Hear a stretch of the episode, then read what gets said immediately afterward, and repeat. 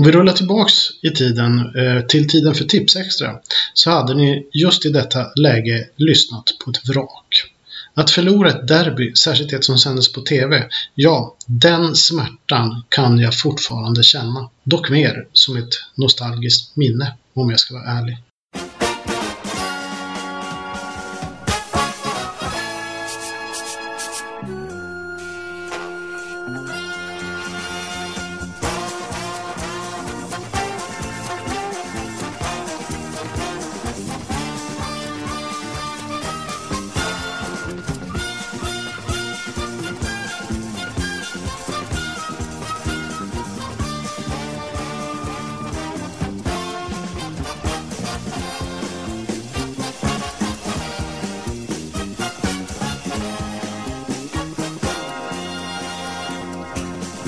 Det är en smärtsam kärlek som man hade där i tonåren till fotbollen. Lidande som man faktiskt fortfarande kan känna. Alltså det lidandet som fanns då. För nu har tidens tand eller årens lopp eller vad man nu säger suddat ut den där extrema känslan av smärta i nuet som en enkel fotbollsmatch faktiskt kunde framkalla. Dessutom visas ju numera alla derbyn i TV. Då under tipsextra-tiden mellan 1966 och 95 kunde det gå en till två år innan man fick, fick uppleva magin av ett Merseyside-derby igen. Och då var Merseyside-derbyt ändå det derbyt som man visade rätt ofta. Men nu är det bara ett par dagar kvar till ännu ett sådant där äh, derby som tidigare gjorde en så fruktansvärt nervös. Mitt Everton åker på inte allt för stadiga ben över Stanley Park för att möta ett Liverpool i kanonform efter hela 7-0 senast i Champions League. Jag tror det slutade 7-0, jag stängde faktiskt av efter ett tag. Faktiskt inte samma känsla som under Tipsextra-tiden då det alltid kändes som en omöjlig uppgift. Det var lite samma sak som i början av 80-talet när svenska landslaget Tre Kronor i ishockey skulle möta Sovjetunionen. Ändå lyckades vi då och då vinna faktiskt. Ja, vi vann till och med ligan ett par gånger. Men nu, nu känns det långt bort. Dessutom är det derby i Manchester samma dag mellan de två bästa klubbarna just nu i England, Manchester City och Manchester United. Kanske Europa faktiskt. Lite som det var när jag var i 15 års ålder och såg Merseyside-derbyn där Liverpool och Everton gjorde upp vem som var bäst i stan i England och sannolikt också i Europa. Jag kommer med andra ord att njuta i fulla drag av söndagens derbybonanza. Inte lika febrigt, nervöst som under ungdomen, men njuta gör jag varje gång och eh, visst finns där alltid fjärilar i magen. Och när ni lyssnar på det här är det söndag. Det första av er som lyssnar på det kommer att lyssna på det på söndagen. Och sen kan ni fortsätta lyssna även efter derbyt för det här är ju en tidlös podd, glöm inte det. Vi eh, vill helst eh, vara så långt tillbaks i tiden som möjligt, ja åtminstone någon gång till 60-talet. Och inför dessa två derbyn lanserar jag och Liverpool-profilen, supporten och en gammal intervjukompis sidan tipsextraminnen.se. Och den handlar om att tillsammans med andra nostalgiker minnas det som var kul och härligt med tiden mellan 1969 och 95.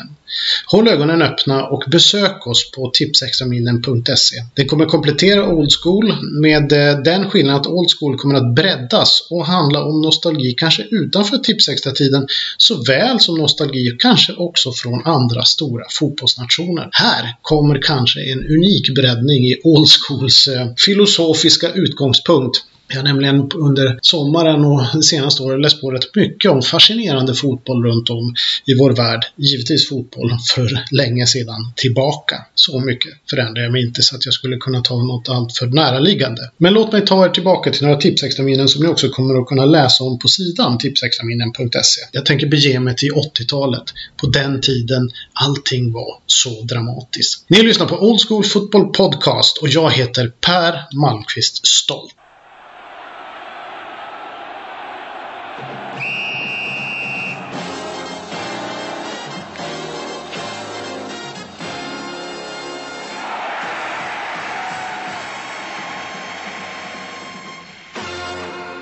Idag kommer jag inte att eh, intervjua någon, men det kommer fler intervjuer så fort jag hittar bra offer som vill sitta och snacka lite grann med mig. Och särskilt nu när vi har lanserat eh, sidan tipsextraminnen.se då kanske vi också kommer att bredda lite grann. Hitta andra typer av fans att eh, prata med. Allting kommer som vanligt att finnas på Svenska fans, eh, Fan Radio, som är Old Schools hem helt enkelt. Men nu beger vi oss tillbaka till Merseyside på 80-talet.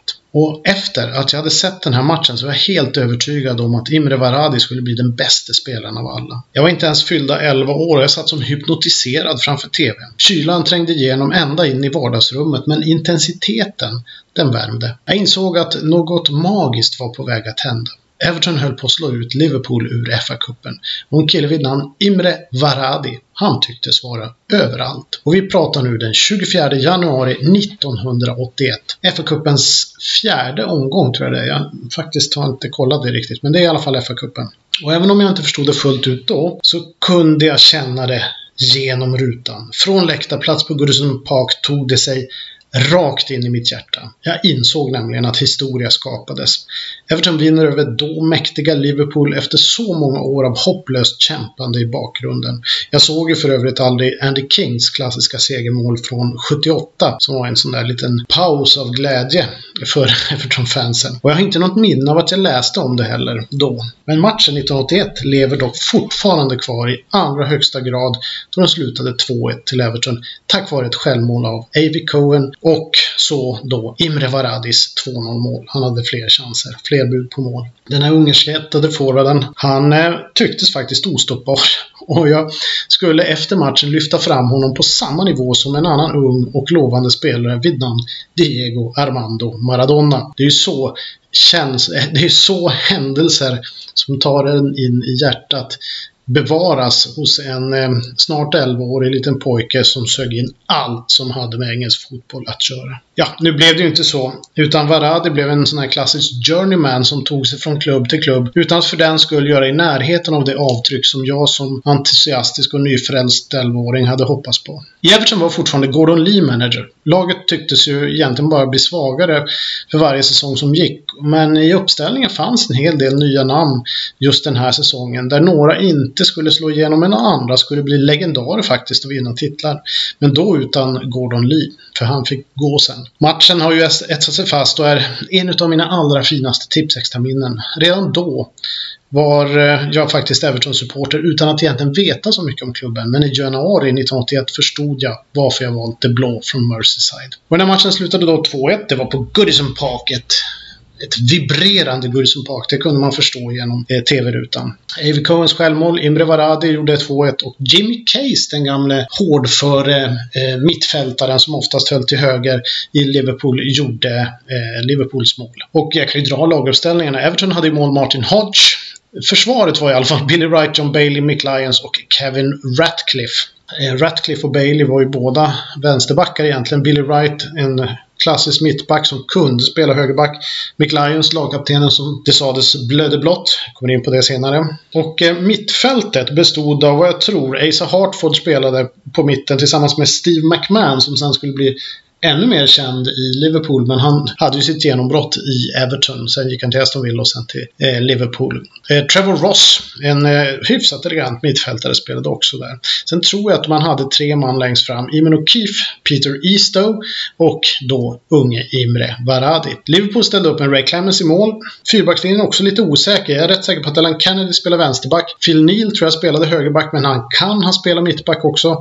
Men jag tror att det var Colin Irvin och A.V. Cohen som spelade det där som mittbackar. Men det kanske någon lyssnare vet bättre än jag. Och det var ju ett rätt svagt försvar mot för vad de brukade ha egentligen. Det var skador och eh, en del andra som inte hade slagit igenom ännu, får man väl säga. Eh, mittfältet var ju då Sammy Lee till höger, eh, Terry McDermott, Grant Sunes, det klassiska mitten mittfältet och Ray Kennedy, nummer fem, till vänster. Jimmy Case hoppade sen in. Han ersatte faktiskt Kenny Dalglish och Dalglish spelade forward här tillsammans med David Fairclough, den rödhåriga som ofta var en så kallad supersub, men inte här. Kommentator? Ja, det var Fredrik Belfrage från Göteborg. Vilket alla i princip var från början. Och sen av då den 7 november 1981. Vi flyttar oss alltså framåt i tiden. Vi flyttar oss till nästa Tipsextra-säsong. Och jag kunde knappt bärga mig inför starten av nästa Tipsextra-säsong. Mitt intresse det närmade sig det ohälsosamma. Jag hängde upp vimplar i, i lampor och på tavlor och allt annat som gick att hänga på. Och det här var under förmiddagen denna lördag den 7 november 1981. Det var alltså Tipsextra-premiären det året. Man startade alltså i november och man hade flyttat den. Det var fler matcher i år för det var så pass populärt så att den var flyttad en vecka tidigare än vad som var som normalt. Vilket var helt makalöst för mig som hade väntat så länge sedan i mars. Eh, för det var då Tipsextra slutade. Återigen skulle jag få uppleva ett Merseyside-derby. Det här var stort. Ni kan ju förstå vilken nivå mina nerver låg på. Dessutom mot ett Liverpool som tycktes gå igenom en generationsväxling och Kenny Dalglish form var kanske inte den allra bästa. Många menar att han kanske till och med var lite slut och det var kanske lite eh, ett misstag att säga det i det läget, men det var en del som menade det. Everton å andra sidan hade investerat i hela sju nya spelare och en ny manager. Klubblegendaren Howard Kendall, han som hade varit med i det magiska Hull Trinity-mittfältet eh, när man vann ligan senast, alltså 1970. Och så fanns det därmed också vissa förhoppningar om en seger från de blåa sida, från min sida. Trots då att matchen gick på Anfield Road och vi hade ju haft så förnicklat svårt på Anfield Road de senaste åren. Den nya målvakten Bruce Grobbelaar i Liverpool verkar inte alls i nivå med Ray Clemens och där fanns rätt orutinerade spelare som Mark Lawrenson, Ronnie Whelan och Ian Rush. Hur skulle de här tre kunna mäta sig med giganter som Alan Kennedy, Ray Kennedy och David Johnson? David Johnson som för övrigt slog igenom i Everton eh, och eh, hamnade sen tror jag i Ipswich, eller om det var i Ipswich han slog igenom och sen hamnade i Everton. Sen i Liverpool länge och sen kom han tillbaks till Everton faktiskt. Everton hade också inhandlat Coventry supercenter Mick Ferguson, en stor kille, men väldigt skadebenägen. Han, hade tydligen, han var extremt stor, men han hade väldigt tydligen små fötter.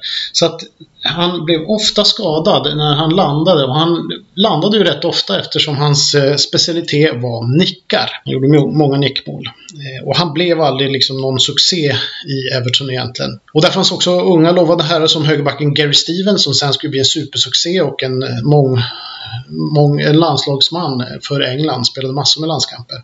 Den ständigt löpande Steve McMahon som vi var inne på, som sen skulle hamna i Liverpool.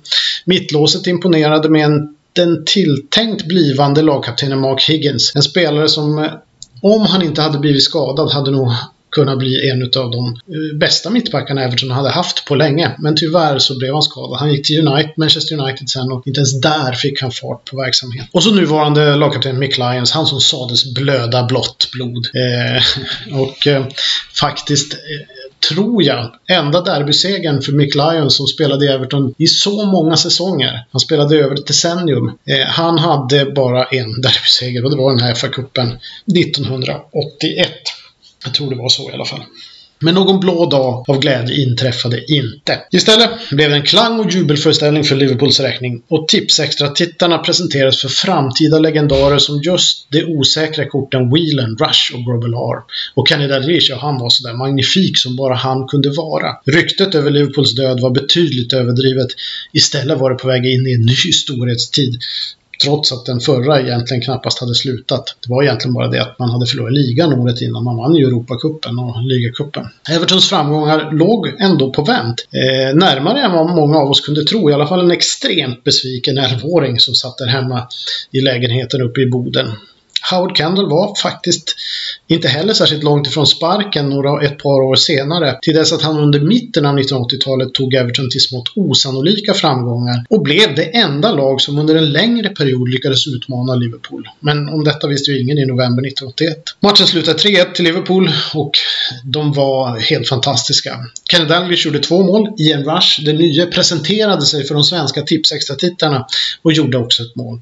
Everton gjorde mål genom Mick Ferguson på nick, om jag inte minns fel. Liverpool hade i mål då Bruce Grobbelaar. Fyrbackslinjen, Phil Neal till höger. Phil Thompson och Alan Hansen bildade mittlås och Mark Lawrenson spelade eh, till vänster, skulle jag tro. I mittfältet bestod då av eh, Ronnie Whelan faktiskt, borde rimligtvis ha spelat till höger här.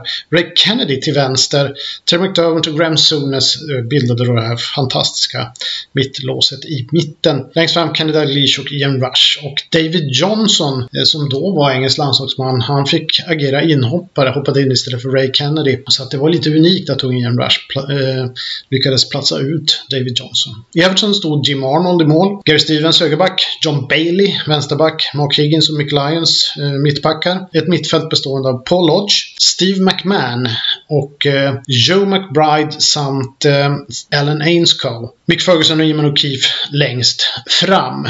Och som kommentator Bo Hansson. Inte riktigt säker. Jimon O'Keefe och Alan Ainscoe kan ju kanske ha alternerat där. Men jag tror att det var O'Keefe och Mick Ferguson längst fram. Joe McBride var ju en rätt begåvad kille han också som inte blev någonting. En mittfältare. Som sagt var, denna historia och fler finns på tipsexaminen.se. Det finns också en historia om Manchester-derbyt och vi kommer att fortsätta fylla på med klassiker och profiler och matcher och allt sånt som kan kittla oss eh, nostalgilängtande människor. Och den kommer att uppdateras löpande vecka efter vecka. Och ni får gärna vara med och delta, läsa, titta eh, bidra med egna saker. Och eh, Old School-podden kommer också kopplas till eh, Tipsexaminen så man kommer att kunna hitta in därifrån också. Och under kommande poddar här, det kan jag avslöja, kommer jag ägna mer fokus på derbyn och kanske framförallt Liverpool-derbyt som är lite speciellt på många sätt. Och jag kommer också att fundera lite grann mer på hur rotsystemet i, på Merseyside fungerar. Där jag bland annat har intervjuat eh, Henry Moody som jobbar för Everton in the Community och även eh, Former Players Organization. Och det här är lite grann det nya sättet där de här gamla fina fotbollsinstitutionerna ersätter det kyrkan var egentligen i slutet av 1800-talet för eh, många människor i området, i samhället. Och det var också kyrkan som egentligen drog igång många av de här klassiska fotbollsklubbarna. Men innan vi går in på det, för det kommer i kommande poddar, så tänkte jag berätta om en av de här dolda hjältarna. Jag har pratat om honom förut, men det här är en unik person som man måste lyfta fram i såna här, äh, dag, såna här dagar när, vi, när ett Merseyside-derby närmar sig. Och det är en arbetarson från Widnes.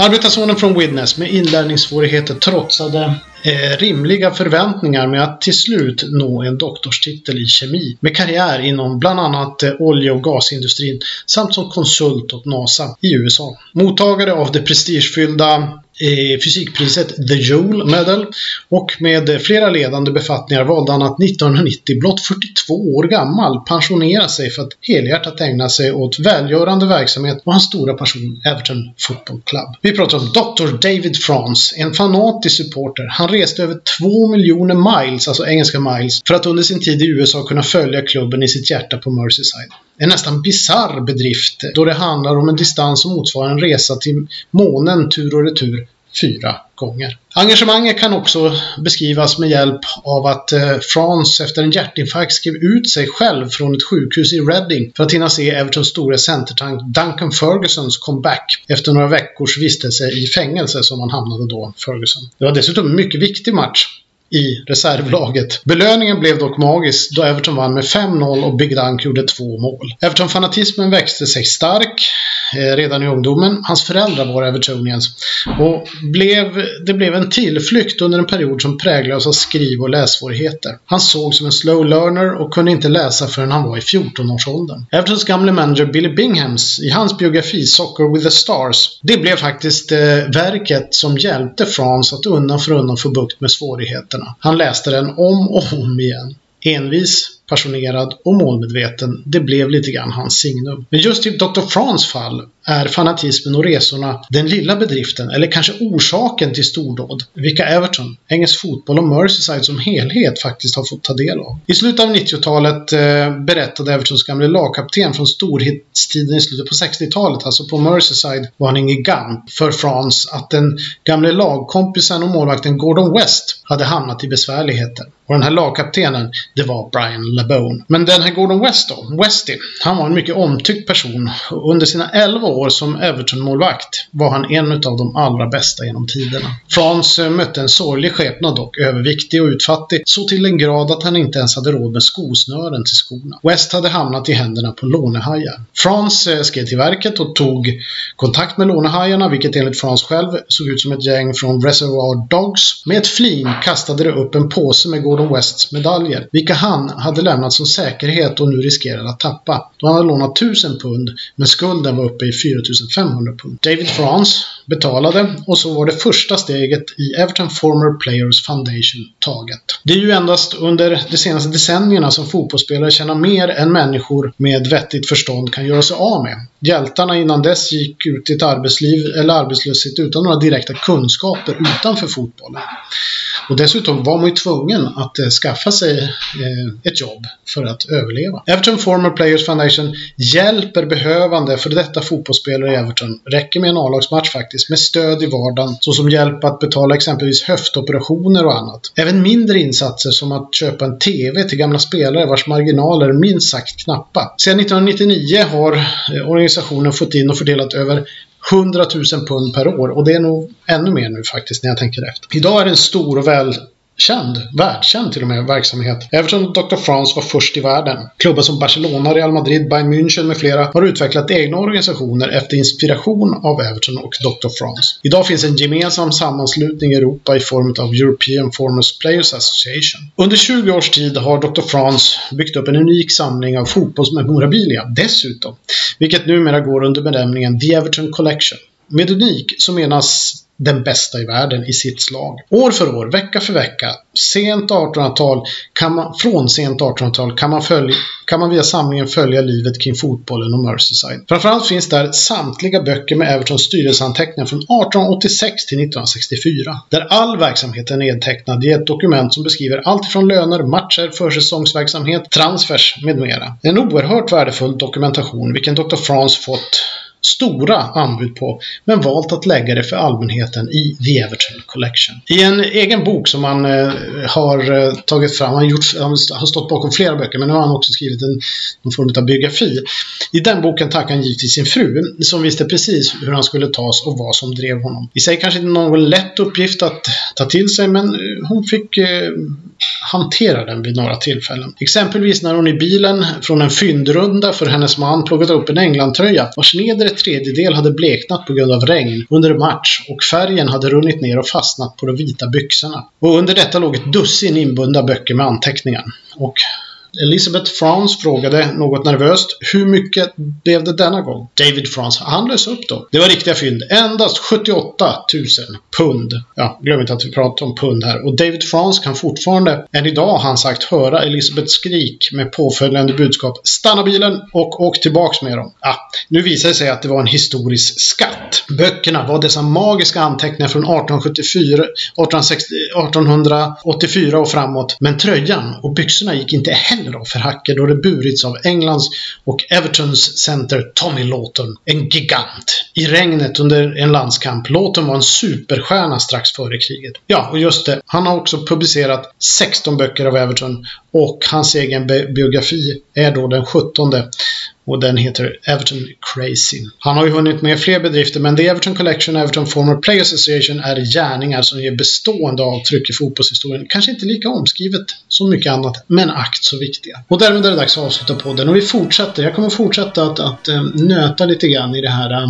rotverket kring eh, derbyna och fotbollens kontakt med samhället i ett par poddar framöver. Och det blir ju en del Merseyside då eftersom det är kanske där jag har mest kunskap eller har läst på mest egentligen och pratat med flest personer. Men nu, nu tycker jag att vi ska se fram emot ett Merseyside-derby. Vi ska se fram emot ett magiskt Manchester-derby. Och vi ska se fram emot massor med nya kommande fotbollsmatcher. Och så tycker jag verkligen att ni ska gå in på tipsextraminen.se. Besök den, delta och bli lite grann sådär nostalgiska som man kan behöva ibland. Men nu säger jag Old School Football Podcast i väntan på lördag. Skål på er! So will you please say hello to the folks that I know?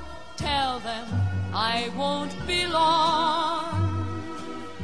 They'll be happy to know that as you saw me go, I was singing this song. We meet again, don't know where, don't know when, but I know some sunny